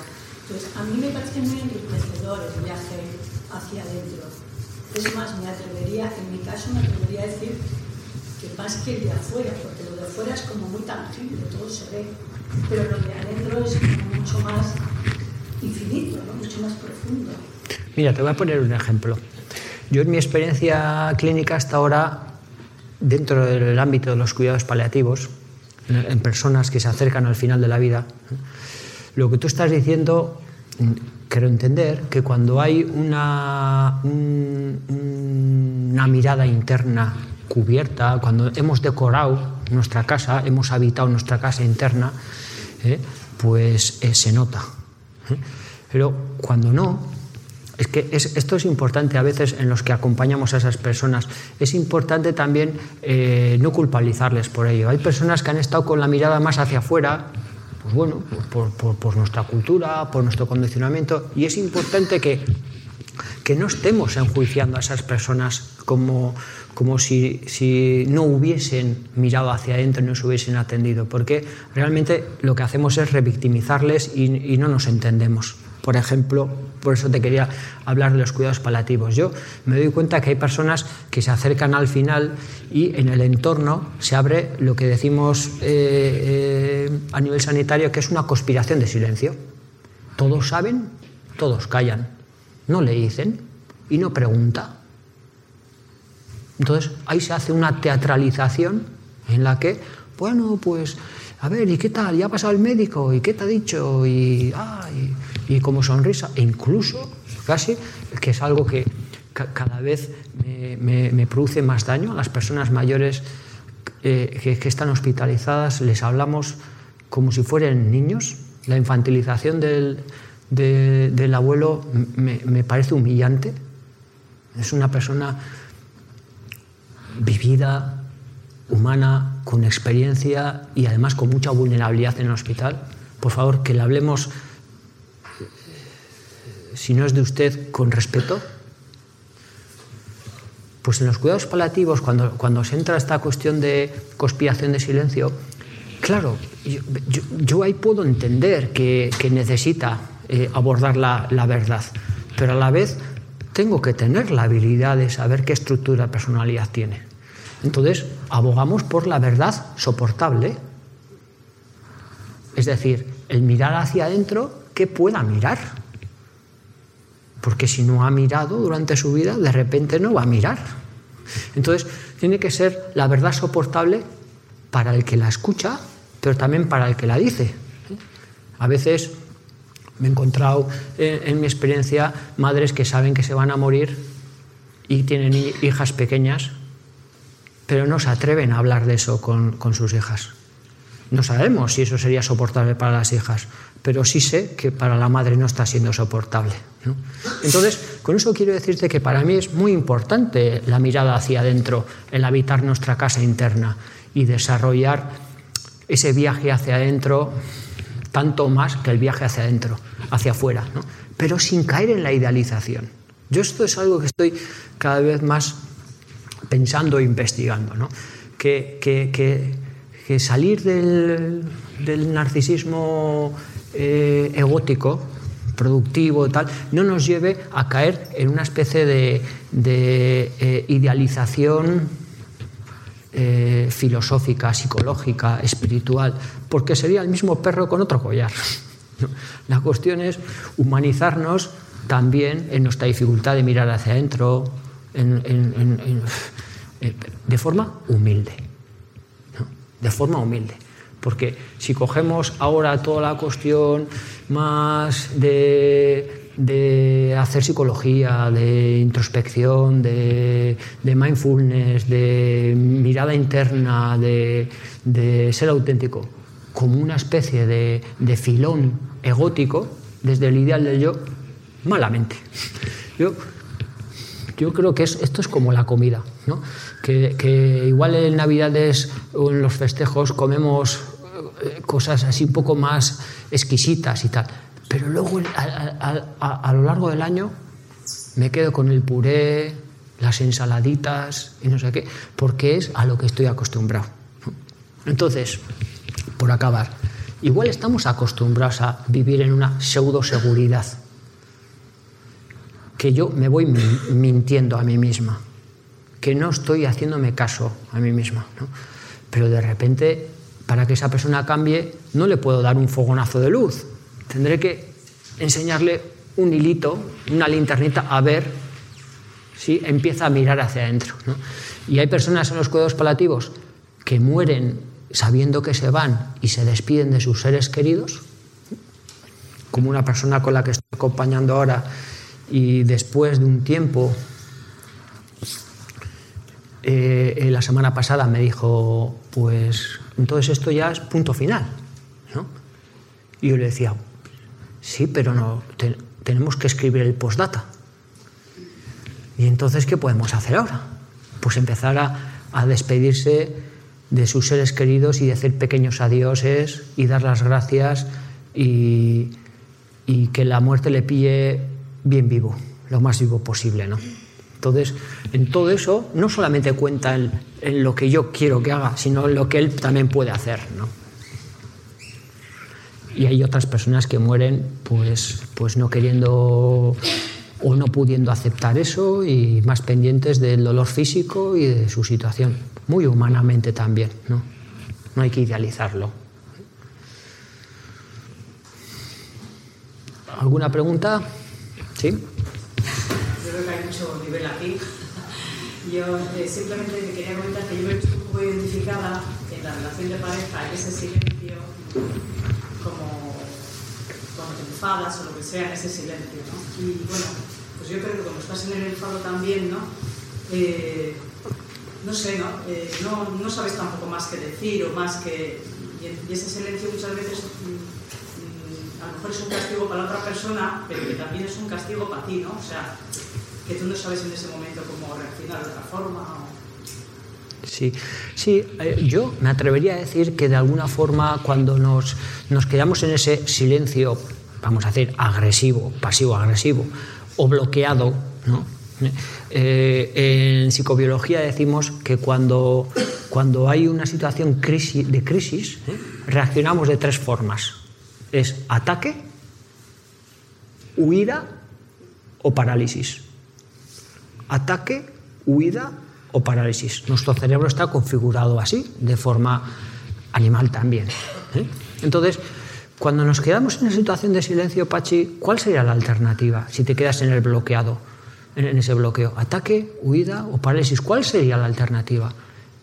En el fondo lo que necesitamos es ser vistos por el otro. Ser vistos en ese dolor en el que yo estoy, en esa injusticia en la que yo me siento, en esa rabia en la que yo me siento. Entonces, en lugar de, quedarnos en esa, eh, vamos a decir, edad infantil, en la que esperaba yo ser visto por el otro, vamos a acceder a la palabra para hablarle de mí. Me he sentido dolida, eh, estoy triste, estoy cabreada, eh, no, no entiendo qué, está pasando. Hablar. La comunicación es algo que me puede ayudar a ser visto por la otra persona. Esa es una manera vamos a decir, más resiliente o más, eh, más madura para poder salir de ese bloqueo eh, dentro de la relación de pareja. Pero cuando entramos a esa situación tan, tan ya de, injusticia, de dolor, muchas veces el hablar es para, para acusarte, para criticarte, para atacar, para decir lo que tú has hecho mal. No es para mostrarme, para enseñarme, para proponerte una conversación. Cuando hacemos eso, el que primero lo hace no es, no, es el más eh, débil, es el más maduro. Emocionalmente hablando, eso requiere elegancia, humildad. ¿Sí? Yo simplemente darte las gracias por ofrecernos todo esto que nos estás ofreciendo. Eh, por tu tiempo y toda tu sabiduría ¿no? al respecto. Y me parece, vamos, eh, un trabajo muy potente el que hacéis en el acompañamiento ¿no? de estas personas que se van. Pero allá se plantea, es que veo necesario que esto que se implante en la infancia, ¿no? porque ya que veo que los padres o adultos en esta sociedad no hay tiempo, que es el, verdadero problema cáncer que tenemos, ¿no? porque no hay tiempo, no hay tiempo, no hay tiempo para lo verdaderamente importante. Entonces, o sea, debería implantarse algo así, pero desde la primera infancia. Porque es que, claro, así ya construiríamos algo, ¿no? Mm, vamos. Yo, yo quiero pensar, ya sé que muchas personas de mi alrededor me siguen tildando de ingenuo eh, eh, y de inocente, ¿no? con esa mirada un poco como todavía, eh, como digo yo, creyendo en el humanismo. ¿no? Pero yo, yo quiero pensar que tenemos menos tiempo, pero a nivel psicoeducativo, a nivel de conciencia, de estar aquí charlando y escuchar y plantearnos un tema, bueno, con un, con un número importante de gente, pues eh, eh, eh, ya estamos construyendo cosas. Lo que ocurre es que, bueno, pues, pues igual a un, ritmo más lento, pero yo, mira, yo en el, año 99 me acerqué a dar la, primera formación a, educadores sobre el tema de la conciencia de la muerte. Y yo recuerdo cuando empecé a hablar sobre ese tema, me miraban como diciendo, eh, sigue siendo un tema tabú. Y, y, yo, hoy que estamos en el 2024, yo veo un gran avance. Hay mucho material, hay más conciencia, hay más sensibilidad, hay todavía mucho que trabajar, se trabaja más en la cuando ha pasado algo, no tanto en la prevención. Pero bueno, pues a mí me gusta. mira, a mí me gusta más pensar en, eh, con esperanza, intentar ver qué estamos construyendo. Y, yo creo que desde la infancia, mm, pues bueno, pues eh, quizás eh, con el tema de las pérdidas cada vez tenemos más claro la importancia que tiene el destete no solamente hay que pensar el adiós, en los cuidados paliativos, la frustración de la irreversibilidad, es que igual el destete ya es un primer adiós en la vida y es una primera manera de tolerar la frustración y no buscar el placer inmediato. Y lo mismo con los pañales, o con los juguetes, o hemos perdido los contactos del móvil, o, perdemos el pelo, o tenemos X enfermedad, o nos salen arrugas en el cuerpo, ¿no? Yo creo que eh, eh, la, la vida está llena de pérdidas desde que nacemos y la idea es ir haciéndole sitio a todas esas pérdidas de forma humana. Gracias por, tu, por, por tus palabras, agradecimiento. Eh, a mí me gustaría un poco ir cerrando con. Bueno, pues eh, eh, a la mañana me da una vueltita en bici. A mí me suele gustar andar en bici y, y muchas veces preparo la, la, la, charla o las ideas pues conmigo, pensando, repasando cosas. ¿no? He estado tentado y igual no salgo, que parece que va a llover, pero me he atrevido a salir y acertado. Eh, y, y, pensaba un poco en, en, esta metáfora que os quiero decir. Hay personas que, que eh, cuando yo hablo de la, de la leyenda personal, ¿no? un poco qué, qué, es lo que venimos a hacer nosotros aquí en la vida, qué, qué sentido tiene todo esto. ¿no? Y hay personas que lo quiero unir con la culpa. ¿eh? Y hay personas que piensan, pensamos desde pequeñitos que nuestros sueños no son alcanzables dedicarnos a algo que eh, lo que yo soñaba que me iba a realizar, el, poder encontrar una pareja que, que, me sienta enamorado, el poder vivir en un entorno, en la naturaleza, X sueños, X, los que sean. ¿no? Y hay personas que sí, que eligen creer en sus sueños y que aunque lo tengan muy complicado y les digan, pero con eso no vas a encontrar trabajo, pero uff, no vayas por ahí, no sienten apoyo, pero creen en sus sueños y siguen adelante, se atreven a desenterrar sus sueños y se dan una oportunidad. Y ahí a veces aparece pues eh, otro atasco, que es un poco el tema de los afectos, del, del cariño, del amor, ¿no? Pensar que puede ser eh, eh, pues una pega, que, que, vas a hacer daño a los demás, que, que, les estás condicionando, que no te van a acompañar en tu viaje. O podemos entender que están eh, dispuestas a entendernos, a apoyarnos y a acompañarnos en ese viaje. En ese viaje de desenterrar mi sueño e intentar llevarlo a cabo. Laboral, personal, social. Entonces entendemos que la persona que me quiere bien está lista para acompañarme en ese viaje, me apoya y está conmigo. Y en ese camino hay un tercer obstáculo, que son las heridas de todo el viaje. Uno no se engaña pensando, va, yo no sé si realmente quería esta apuesta eh, laboral. Eh, ¿Me podía haber dedicado a otra cosa? No, yo ya sé que yo quería dedicarme a esto y que es complicado y que hay muchas tormentas y que hay dudas, que hay desasosiegos. ¿eh? Pero que bueno, que uno se cae siete veces y se levanta ocho. Y que sigo pensando y que sigo apostando y que merece la pena esa mirada humanista porque eh, aunque a veces se pasa mal, muchas otras veces se pasa eh, humanamente bien. Como digo yo, hay muchos paliativos, muchas personas que están al final de la vida, que, que, que podemos pensar por un lado, qué duro, y por otro lado, uf, qué privilegio, cuánta sabiduría nos enseñan estas personas. ¿eh? Y, y, y uniéndolo con la culpa, llega un momento en el que aunque la mirada humanista sea una apuesta hacia la bondad, hacia la empatía, hacia la, escucha, hacia bueno, pues, pues, los valores en la vida, eh, eh, hay como una especie de culpa. Es raro de entender, pero hay como una especie de culpa malentendida en nuestra cultura, ¿eh? en la cultura humanista. Y es como la renuncia a la alegría y al éxito, pensando que eso es más humilde. Es un error. La, la, la culpa de, de, de, haber alcanzado el éxito, entre comillas, ¿eh?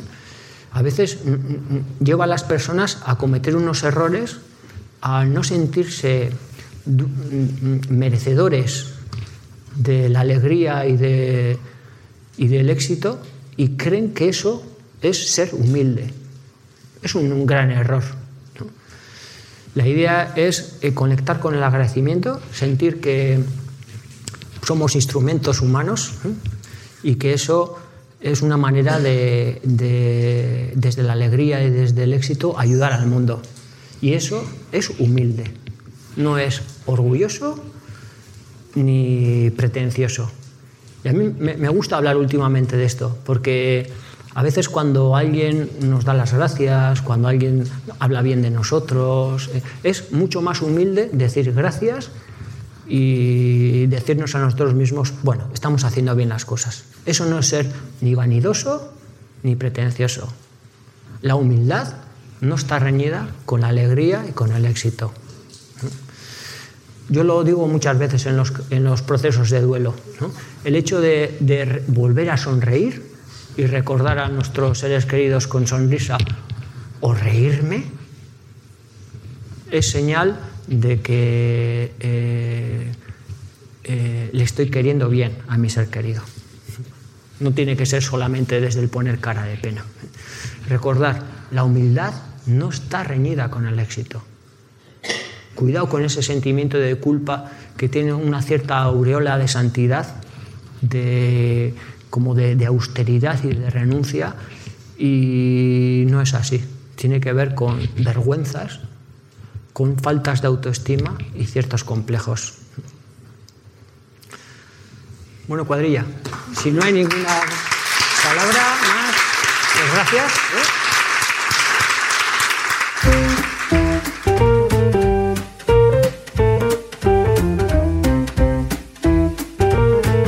Donostia Kultura Irratiaren podcasta.